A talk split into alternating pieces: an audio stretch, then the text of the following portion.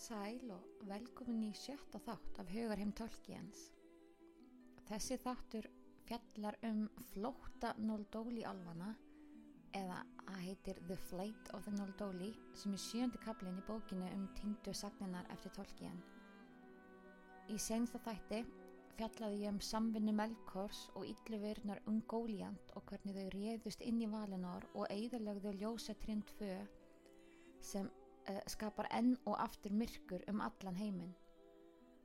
Alvarnir, sérstaklega Noldóli alvarnir verða æfa reyðir yfir þessu og vilja leita hemda. Guðurni gáf ekki bónina en margir hittust undir eigðalögum trjánum, reynsuðu saman upp eigðalegginguna og leitið um löndin í vonum að geta hemd sín fyrir þessa eigðaleggingu og alvarni hjálpuðu þeim. Feanor, einn aðsti alvurinn, vildi smala saman eins mörgum álfum og hann gat til að koma og hlusta á orðans. Þá segir hann og hvetur þá til að grípa nú þetta myrkur, ringulreið og þreitu guðuna til að yfirgefa löndin og ferðast handan þeirra til dölarfulls lands sem geymir marga töfra þar sem hann mun vonandi finna gimsteina sína og fá sína hemd. Flestir Noldóliálvarnir voru sammálunum og voru tilbúinir að fara með honum. Af sól- og symbjálfanum voru mjög fáir sem vildi að taka þátt í hemdum og stríði nema örfáir og var þetta mikil sorg hjá öllum alfum. Noldóli alfanum vantæði skip og voru bestu og stærstu skipin í eigu sól- og symbjálfana. Þeir vildi ekki veita þeim skip sín svo Feanor, uh, leðtögi Noldóli alfana, sagði að þeir yrði þá að taka þau bara af þeim og þetta veldur gríðarlegu ósætti millir þessar tveggja alfahópa ósætti sem átti eftir að vara mjög lengi. Svo fóru Noldólar alvar um borð ásand hvern fólki á börnum og mikinn her á skipunum og heldu út á hafið. Ægileg reyði blossar upp hjá þeim alvum sem erðu eftir þar sem þeir sáu þjófnaðin á þessum skipum sem djúpsvig og þeir syrðu alla þá vinnu sem fór í að ska skapa þessi skip því sum þeirra höfðu verið smíðuð með guðunum til forna á tóleri segja þegar alvarnir voru fluttir yfir til valinor. Svo spratt skyndileg upp rödd með þeirra. Aldrei muni þessi þjóvar yfirgefa höfnina á skipum okkar og allir af Sólusymbi sem þar voru hlupur hratt upp á bjarg þar sem flotinn þarf að sigla hjá og þar stóðu þeir og hrópuðu til alvana að snúa aftur. En þeir hlýttu um ekki og heldu áfram stefnu sinni og Sólusymbi ógnuðu þeim með því að kasta grjóti og skutu úr alva bóanum sínum.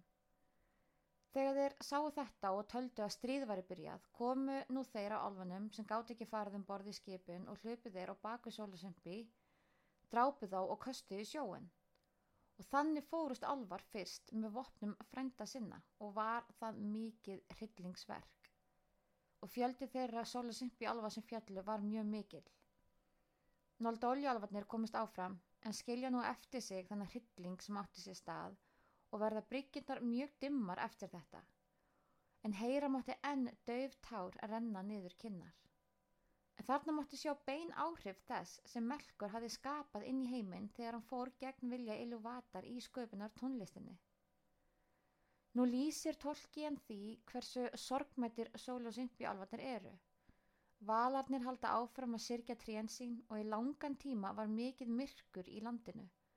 Alvarnir sem fóru með skipunum áttu einn erfitt, þeir voru lengi að komast yfir hafið og sumi viltust jafnvel, en alvarnir voru þó sterkir og þrautsegir, voru enn undir áhrifum guðana, guðlegir og hafðu litla veikleika, svo þeir komist á endanum yfir hafið.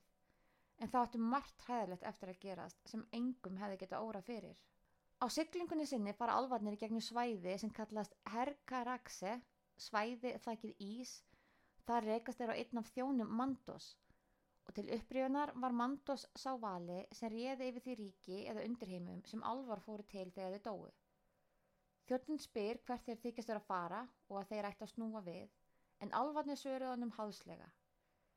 Þjóttin reyðist og hann sagði þeim frá mörgum yllum æfintýrum sem síðar myndu koma til þeirra og varaði þá við Melkor og á lokum segir hann mikið er fall Gondolin eða great is the fall of Gondolin. En alvarnir skildi ekkert hvað hann var að meina Þeir tóku þessu tómi fyrirvara og þeir vissu að Mandos hefði mátt til að sjá fyrir um framtíðina.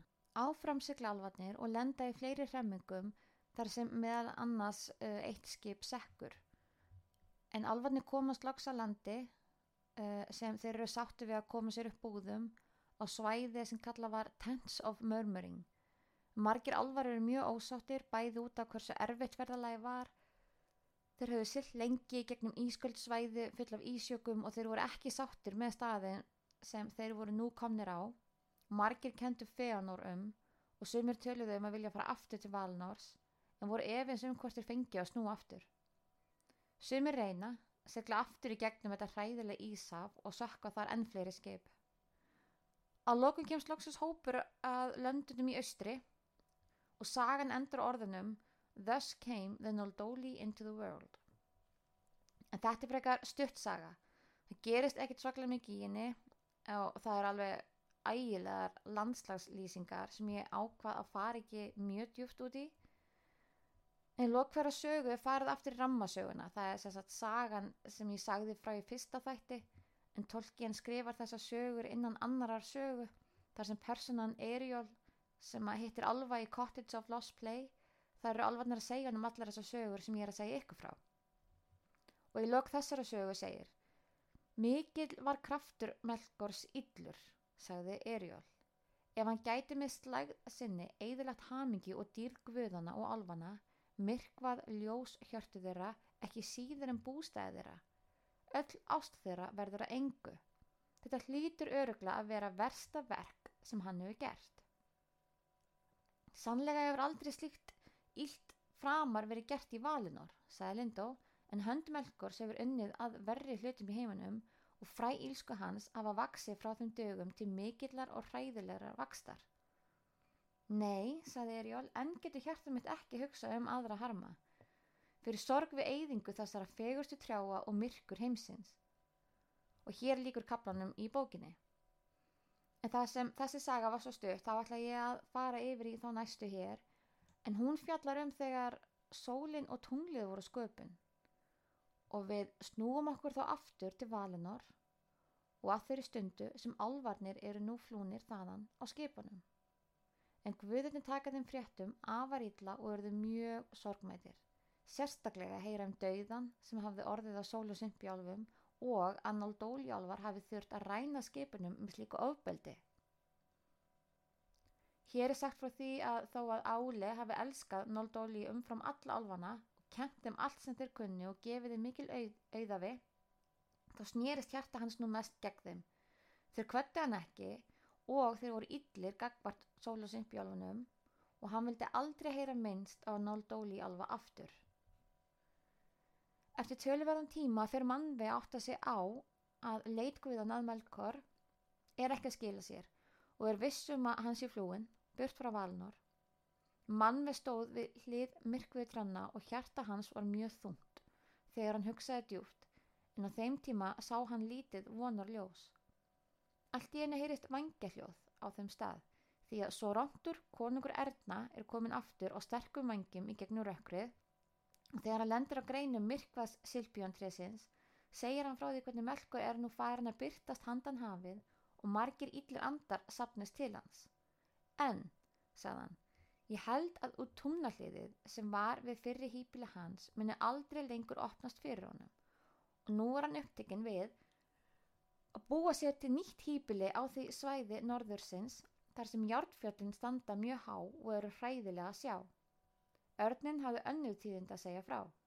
Hann segir að þegar hann flög yfir Svartahafið og óvinnsamli lönd sá hann mikla undrun.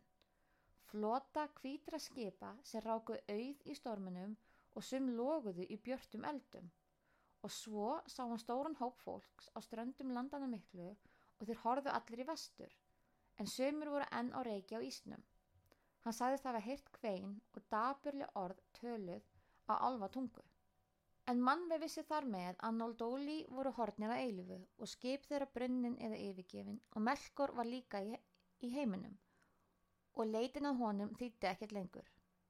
Hann ákveður að kalla til guðana og allir þeir sem voru löndum valinor hlýttu og snýra aftur. Hann segir þeim fréttir Arnarins að hætta skuli leitin að Melkor og Tolkien undirstrykkar enn og aftur þá ægilegu sorg sem guðurnir og alvarnir í valunar er að upplega eftir að trénu voru tortínd og hefur myrkur leigið yfir löndum í mjög langan tíma, jáfnvel aldir. Nokkrir guðir hópa sér saman, meðal annars þau Vana, Lórien, Úrvendil, Silmó og svo ykkur er alvar. Þau sapna saman miklu ljósi af gulli og silfri í stórum kérum og fara að rústum trjanna. Þar syngur Lórien sorglegustu söngva, galdra fram ímsa töfra um stopn Silbjón og vögvar rætu þess með ljóma til limpi. Einskýri vina en hún syngur gamla söngva um gleðilega daga og meir hennar dansa sínar björtu dansa og þegar þær dansuðu flættu töfrar yfir rætur Lárilín. Samt er allur söngu þeirra og töfrar lítil sverði og þó að rætur trjanna verði strekka allt sem kom yfir þau sérst ekki líf endur nýjast nýja döfur ljósklampi byrja að skína. Nú var það hugsi margra að þessi tvö, Lórión og Vana, hefði ekki máttinn til að græða sár Lárilín og Silbjón. Þess vegna sögðu margir, við skulum leita Javanna, því að af töfurum hennar munu þessi tré kannski aftur þekka eitthvað hluta á fornudýr sinni og þá ef ljós endur nýjast geta Óle og handverksmenn hans lagað meðsli okkar fagra ríkis. Þá var kallað Javanna og hún kom og spurði þá hvað þið vildu og þegar hún heyrði grét hún og sagði Þekki þér valar og sinir og dætur eldar, börn illuvatar, Fyrsta afkvæmi þeirra að þessi tvö trí megi aldrei aftur glóngast og annur eins þau megi ekki lifna við í margar, margar aldir heimsins. Mark mun gerast og guðurni eldast og alvarni nálgast að hverfa áður en þú mun sjá að þessi trí kvikna á ný eða töfra sólinn kvikna aftur. Og guðurni vissi ekki hvað hann átti við þegar hún talaði um töfra sólina, nýja heldur í langan tíma eftir það. En Tulka sagði Hvers vegna talar þú þessu orð? Að það er ekki vanið þinn að spá og síst af öllu ílsku. En ég vana sagði, það eru örlög og tónlist ænur. Slík undur eins og þessi tríur gull og silfri geta jafnvel gviðurni gert nema einu sinni og það í æsku heimsins. Þá sagði vana, hvað segið þú það áli? Voldugur smiður, smith of the world. Hvernig er það að fá ljós sem er nöðsilegt fyrir gleði okkar?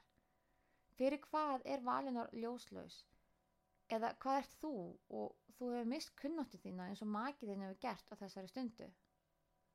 Nei, sagði Óle, ljós má ekki vera mótað af smiðju. Nýje geti jafnvel nokkur guðan að hugsa það ef safi undra tressins er þurkaðar að eilifu.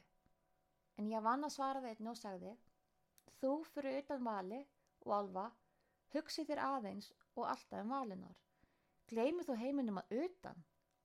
Því að hjarta mitt segir við mig að þegar verður komið tími fyrir Guði að taka aftur upp barátunum heiminn og reyka úr henni krafta melkors áður en þeir verða vaksnir til yfirgnæfandi styrks. Mannveg og Varda, Ála og Javanna fóru saman í burtu og rættu í einrúmi og reyndu að finna laust. Svo kallar Mannveg saman allt fólk valnors. Þegar allir voru samankomnið segir Mannveg Tími myrkurs er komin yfir okkur og þó hef ég það í huga að það er ekki án Óskar Illuvatar því að guðinir hafði næstum glemt heiminum. Nú eru trén þurkuð en við verðum nú að snúa hugsunum okkar að nýjum tækjum þar sem ljósi má varpa bæði yfir heimin utan og yfir valinor. Það sagði hann frá þeim ljómabyrðum sem þeir átti enn af silfurljósi átti þeir ekki mikið magn nema það sem enn lág í telimpilæknum og minna átti áli í kjörum í smiðju sinni. Að ná fram ljósur gulli var það sem þeim vantaði, en aðeins Feanor hafi tekist að gera það en nú var hann farin. Planin var því að skoða hvort hægt var að nota mátt stjarnana sem Javanna hafi skapað, en hverju stjarnu hafi hún gefið hjarta úr silfur loga sett í kér úr kristullum og gleri og öðrum efnum. Manvi segir, þetta er nú þriðja tilurinn guðana til að færa ljós inn á dimma staði og bæði lampa norðurs og söðurs og tré sléttunar hefur melkor eðilagt. Í loftinu hefur melkor ekkert vald til að gera íld. Þess vegna er það mitt ráð að við smíðum stórt skip fyllt af guldnu ljósi og steiftum döggum lárilins og það verður sett á flót eins og völdugt skip hátt yfir dimmum svæðum jarðar. Þar mun það þræða langar brautur í gegnum loftið og hella ljósi sinu yfir allan heiminn. Mannveig setti stefnuljósins millu austurs og vesturs því Melkor hjælt sér í norðri og Ungóliant í söðri. Javanna var það beðnum að reyna að lækna trían einu sinni enn. Hún samþykti það en bjóst ekki við árangri. Hún lagði fram allan sinn kraft en án árangurs. Hins vegar var vána hjá Lárelín og greið þegar henni voru farnir í örvætningu. Vönu til mikillar undurna spratt smá úr Lárelín þar sem tár hennar höfðu fallið og hún kallaði á valnar fólkið sem flýtti sér til að sjá hvað hefði gerst.